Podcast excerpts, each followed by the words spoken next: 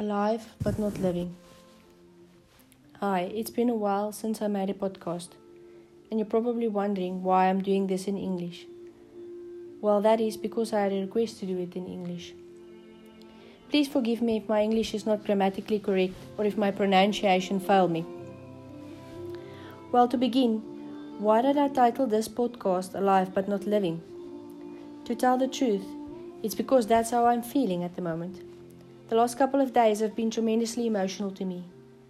Yes, sure, I do think female hormones played a significant role, but still they just amplified what I've been feeling all along.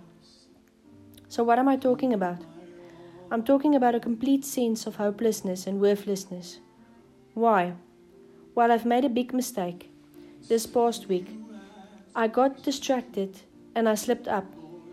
I was supposed to register for a preparation program at the, one of the colleges here. The course is supposed to assist me to attempt the NCAS assessment. The NCAS assessment would hopefully allow me to write the NCLEX exam. Only once I've completed both, plus my credential assessment that's already done, then I would be allowed to register as a nurse and seek a job as a registered nurse. Until then, I'm stuck at home, isolated, desperate, and lonely. So I slipped up in one week. I didn't check when the program opens for registration. I only checked on Monday, and as a result, the whole full program was fully booked. They don't have cancellations because you don't get refunded. So they tell me nobody cancels. To say the least, I was devastated and extremely mad at myself. I can only register for the spring program come March 2022. I've already waited around for summer to go by because I had to look after the kids for summer vacation. Two and a half, two and a half months, I was reminded about all that I've accomplished. Nothing. Ten months, and I have nothing to show for it. I felt angry, sad, and cheated. I spent eight years studying. I completed a basic diploma a post basic diploma, and a degree. I had 20 years nursing experience, and for nothing. It means nothing here. I can't even get a job as an admin person because I don't have any experience. Not that that is entirely true. I managed a unit, and there was many a time that my admin assistant was taken to help in other units. Then I had to perform all those tasks too. Needless to say, my feeling of worthlessness and loneliness didn't help me either. I felt overwhelmed and powerless. Furthermore, I can't even bring my parents over for a visit. The border is still closed, and who knows when that will open. I also felt like I had lo- lost everything. All my friends back in South, South Africa have moved on without me. They only lost me. I lost everyone.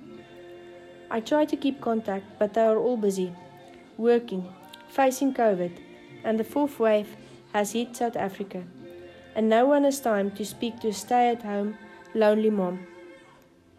And I don't blame them. We live truly on opposites. Opposites, opposite side of the world, opposite seasons, opposite time of the day. I've landed in a strange place. I no longer belong in South Africa but I also don't feel like I belong here.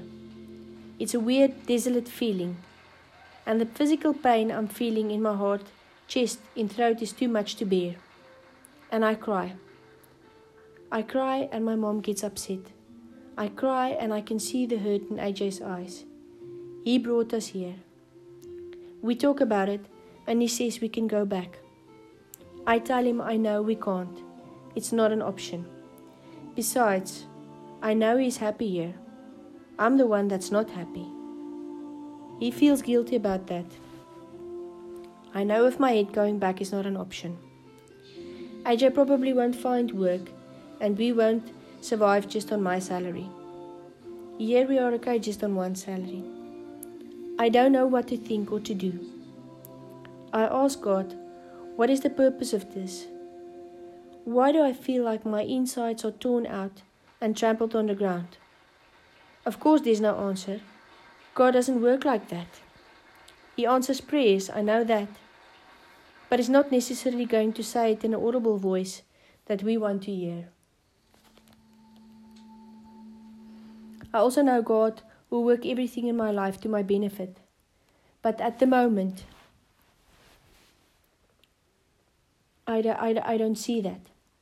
I'm so deep in this pit of depression that I really can't see what God holds for me in this. I also feel guilty as I'm aware that other people have it far worse than me. Some have lost a job and can't feed their family. Some may have lost loved ones, but I can't help these feelings. It overwhelms me. It chokes me. I want to and I need to feel useful. I feel like I have no purpose. I don't even feel like getting out of bed in the morning. At nine, I force myself to get up for my kids' sake. I clean house, I do laundry, and I feed them. I take them to parks and I think I must be careful not to let them see my pain. But I do, and I don't know how to explain it. I feel God is showing me that my work was way more important than him, my husband, and my kids. And I feel angry and ashamed. Yes, Lord, it's true. But how do I accept this role of not making a difference? I like to be challenged. I get bored easily. Ask anyone that knows me. This playing house has been enough for me.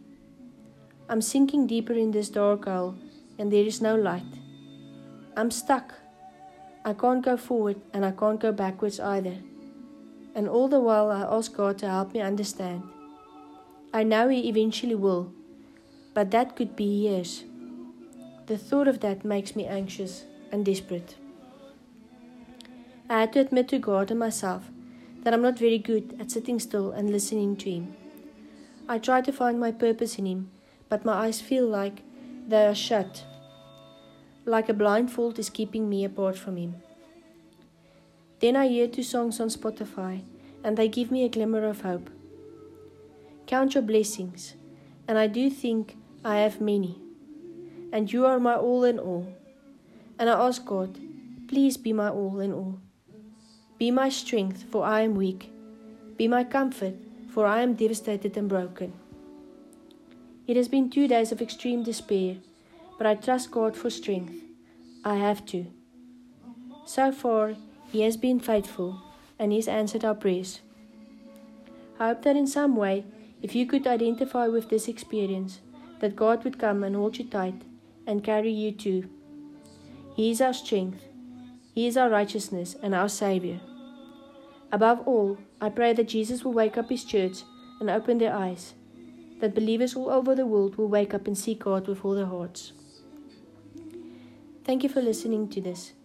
Please feel free to send me a message either on Anchor or Spotify, or if you have me on Facebook or WhatsApp, I'd love to hear from you too.